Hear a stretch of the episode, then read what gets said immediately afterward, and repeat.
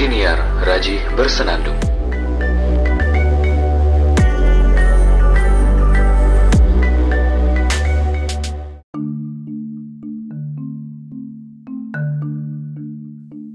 Selamat datang kembali di podcast Raji Bersenandung. Episode kali ini saya gunakan untuk berbagi pengalaman saya dalam menjalani proses seleksi beasiswa MSPP terkhusus di seleksi wawancaranya. Uh, jadi sekitar tahun 2018 sekitar eh, di tahun 2018 saya ikut daftar beasiswa MSPP.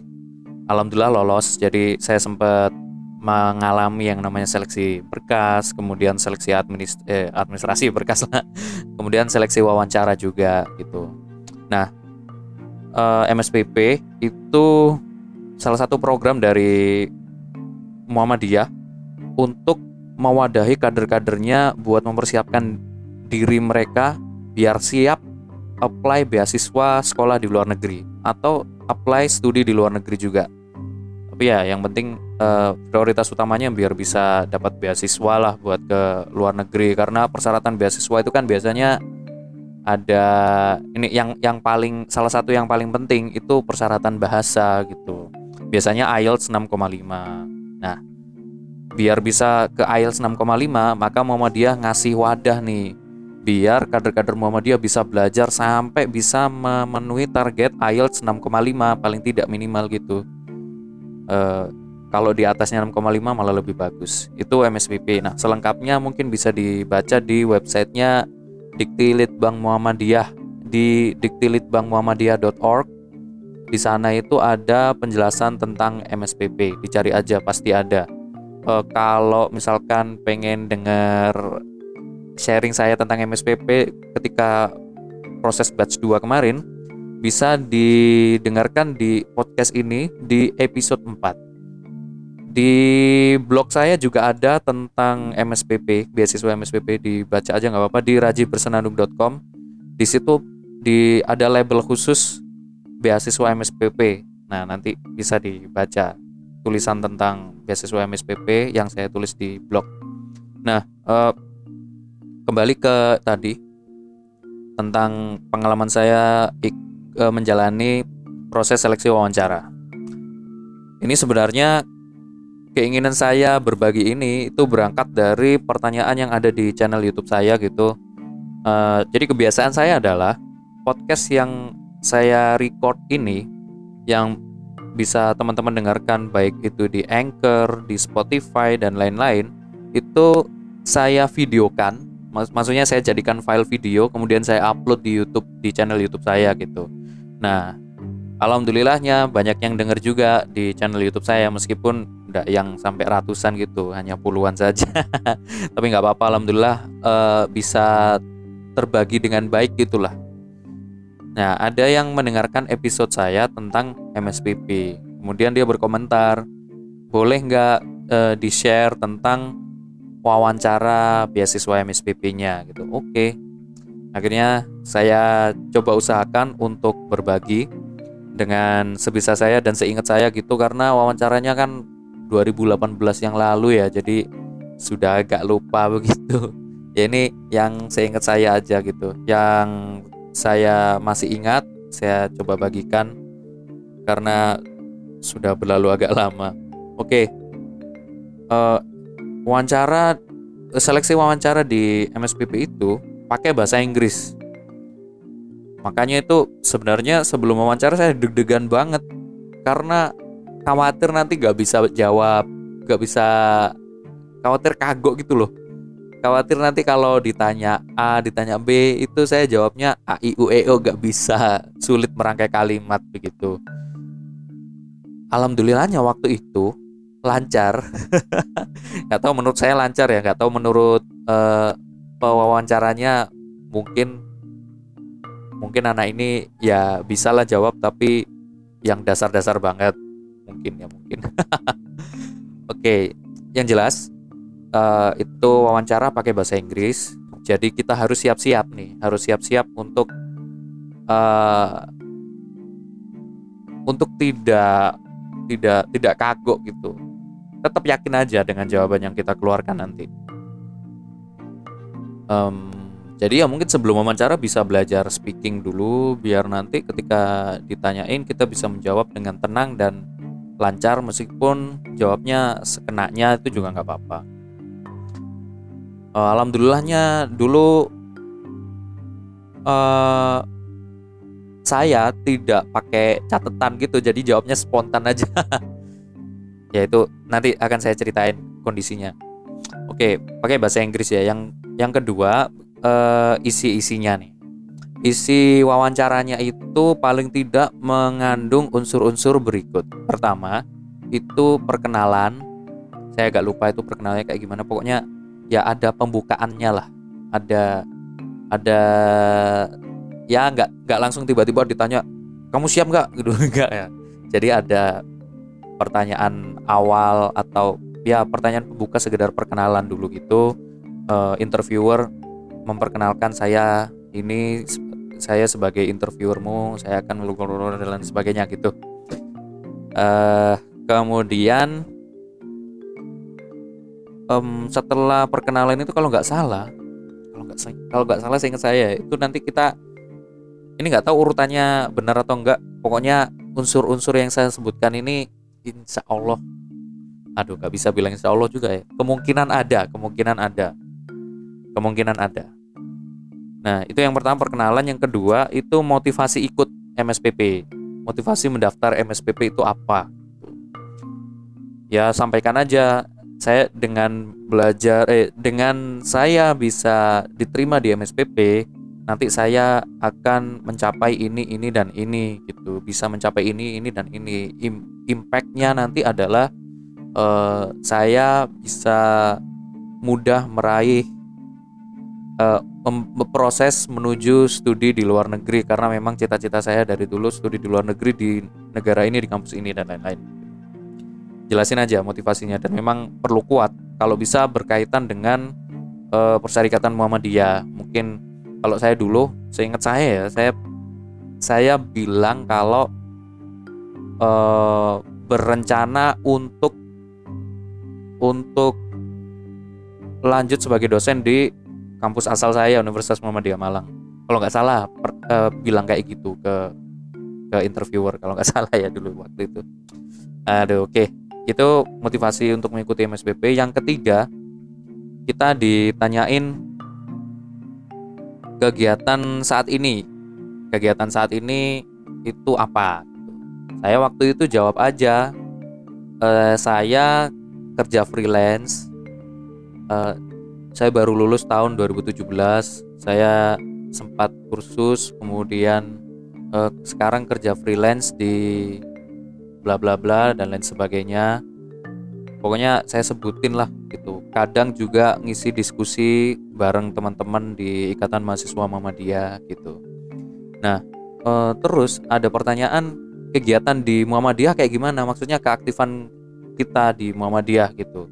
Saya jawab aja saya kader ikatan mahasiswa Muhammadiyah komisariat Renaissance Visip UMM nah kegiatan saya eh, keaktifan saya selama ini ya ikut nimbrung diskusi dengan teman-teman gitu. Uh, kadang juga sebagai pemantik diskusi, tidak hanya sekedar jadi peserta forum tapi pemantik diskusi juga. Biasanya kalau sudah alumni perannya kayak gitu-gitu gitu. Kadang jadi peserta aja atau uh, jadi pemantik diskusi gitu atau jadi pemateri di agenda diklat-diklat.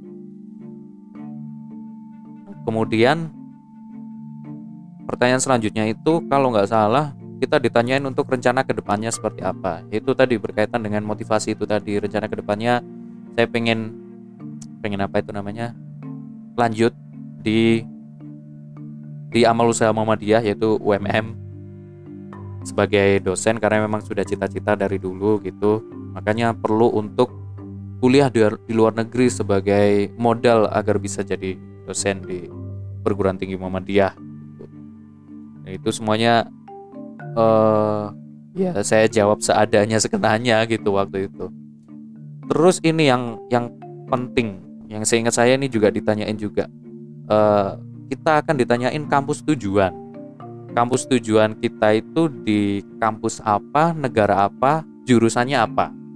Kenapa memilih kampus itu? Seingat saya waktu itu saya saya jawabnya saya milih sosiologi di UK, tepatnya di University of Exeter. Saya agak lupa itu alasannya kenapa saya milih Exeter ya. E, kalau secara ranking sih bagus. E, kemudian um, waktu itu tuh agak lupa bener, agak lupa kenapa saya milih Exeter. E, dan juga antara Exeter atau Sheffield.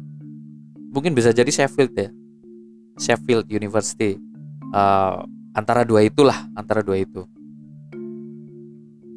Kemudian interviewer nanya, kenapa kok Sheffield, kenapa kok Exeter, kenapa nggak di di kampus lain aja, lain aja gitu. Waktu itu kalau nggak salah, interviewer menawarkan kampus yang lebih bagus lagi dan kebetulan kampus beliau dulu di UK juga. Ya, saya sih jawabnya seadanya aja. Saya jawab aja e, karena di fokus eh di kampus itu fokus kajian sosiologinya sesuai dengan minat saya. Nah, eh, saran saya nih para pendengar setiap podcast Raja Bersenandung, eh, kalau anda menghadapi pertanyaan ini, ya memang kita harus siap dengan alasan dengan alasan kita gitu. Alasan yang memang tidak dibuat-buat memang beneran gitu. Kita harus siap dengan itu. Jadi sebelumnya memang harus riset dan juga harus menentukan nanti tujuan saya itu ke negara mana ke jurusan apa. E, misalkan saya berencana ingin memfokuskan studi saya di sosiologi sosiologi uh, sosiologi kritis gitu misalkan Nah, kemudian saya melakukan riset sosiologi kritis itu di mana? Saya lakukan risetnya itu tidak hanya sekedar membaca di ranking universitas ya, tapi juga eh, saya dalami di khazanah keilmuan sosiologi juga gitu. Sosiologi kritis itu lahirnya di Jerman. Maka sepertinya saya fokusnya ke Jerman aja. Gitu. Ya sudah, akhirnya saya memilih kayaknya Jerman nih. Nah baru saya cari informasi universitas-universitas yang ada di Jerman. Rankingnya seperti apa pertama? Yang kedua eh, kira-kira apa saja yang diajarkan di dalamnya? Saya yakin di setiap website universitas pasti dijelaskan eh, apa saja yang dipelajari di dalamnya. Misalkan di um, di misalkan di Unikolon. Unikolon di di Jerman gitu. Nanti di, uh, di sana apa saja yang dipelajari di MA sosiologinya? Misalkan sosiologi eh misalkan penelitian kuantitatif gitu. Atau teori sosiologi dan lain-lain gitu. Kita bisa tahu gitu. dan juga dari uh, fokus pembelajarannya itu kita jadi tahu juga kalau universitas-universitas ini fokusannya itu ke mana. Bisa jadi di uh, Freie Universität Berlin itu fokusannya adalah kita studi kuantitatif untuk sosiologi. Nah bisa jadi juga di Unikolon itu fokus studinya itu sosiologi yang uh, pakai kajian kualitatif. Nah ada lagi kampus di Frankfurt. Goethe Goethe Goethe University University. Goethe University gimana sih ngomongnya? Nggak tahu. Pokoknya Goethe di Frankfurt. Itu juga bisa jadi fokus studinya apa gitu. Ya yes, pokoknya macam-macam. Yang penting kita bisa jadi tahu kira-kira kampus tujuan kita itu sesuai minat kita atau tidak. Nah kembali lagi di minat saya saya tadi contohnya itu pengen fokus kajian ke sosiologi kritis. Nah, e, kalau dalam kajian ilmu sosiologi seperti yang saya bilang tadi, sosiologi kritis itu munculnya di Jerman, tapi di mana dulu? Di Frankfurt ternyata. Wah, akhirnya saya ketemu nih pilihannya, pilihan utamanya. Wah, berarti saya pilih berarti e, pilih di Frankfurt saja pilihan utamanya. Frankfurt Goethe tadi, Goethe University. Jadi saya menentukannya eh bentar saya cek dulu ini Goethe itu tulisannya gimana ya? Eh maksudnya nama nama lengkapnya biar saya nggak salah ngomong. Goethe Universität. Welcome to Goethe University Frankfurt. Nah, ini ketemu di Google. Goethe University Frankfurt. Nah, ini nih. Setahu saya setahu saya di sini eh, apa itu namanya? teori kritis itu lahir. Gak tahu ya benar apa enggak. Asumsinya gitu, asumsinya. Gitu. Jadi saya tentukan Goethe University Frankfurt sebagai pilihan utama saya. Eh, di Frankfurt, Jerman tempatnya. Jadi ketika saya nanti ditanya, kamu kampus tujuannya mau ke mana? Dan jurusannya apa? Saya mau pilih jurusan sosiologi di Goethe University Frankfurt, Jerman. Kenapa kok milih itu? Karena begini, saya ingin eh, memfokuskan studi saya di sosiologi kritis. Karena di S1 saya menggunakan teori-teori kritis untuk kajian saya khususnya di skripsi saya menggunakan teori bla bla bla bla bla bla.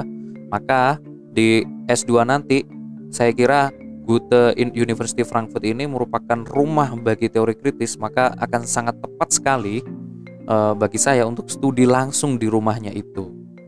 Dan saya ingat saya ada salah satu sosiolog yang masih ada di sana yang merupakan generasi teori kritis eh, generasi kedua yang masih ada di sana. Maka eh, sangat kemungkinan untuk bisa belajar langsung dengan murid-murid beliau itu sangat besar dan kesempatannya sangat luas gitu untuk memperluas fokus kajian saya ke sosiologi kritis. Begitu. Begitu wahai para pendengar. Ah, semoga penjelasan saya tidak belibet ya karena ya memang agak perlu agak panjang menjelaskannya. Seperti itu itu eh, sedikit. Meskipun banyak ya sebenarnya saya ngomongnya tadi. Eh, yang jelas itu tadi urut-urutannya eh urut-urutannya apa unsur-unsurnya. Kalau urut urut urut-urutannya saya tidak tidak yakin itu tadi sesuai urutan ya. eh yang jelas itu paling tidak kemungkinan unsur-unsur yang akan ditanyakan di wawancara itu itu tadi. Oke, eh kemudian ini fun fact, fun fact. Eh gini gini, unik ini. Ketika saya menjalani wawancara dulu, kondisinya bener-bener wah gak enak banget, gak enak banget. Memang tadinya itu sudah diwanti-wanti ya sama sama panitia di MSPP, silahkan kosongkan waktu Anda di hari dan jam untuk wawancara. Biar kita itu bisa siap-siap gitu loh. Nah, cuma waktu itu kebetulan banget saya lagi ngurus berkas di di Dispenduk, Dinas Kependudukan Kabupaten Malang. Lagi buh, lagi antri, lagi rame, banyak orang.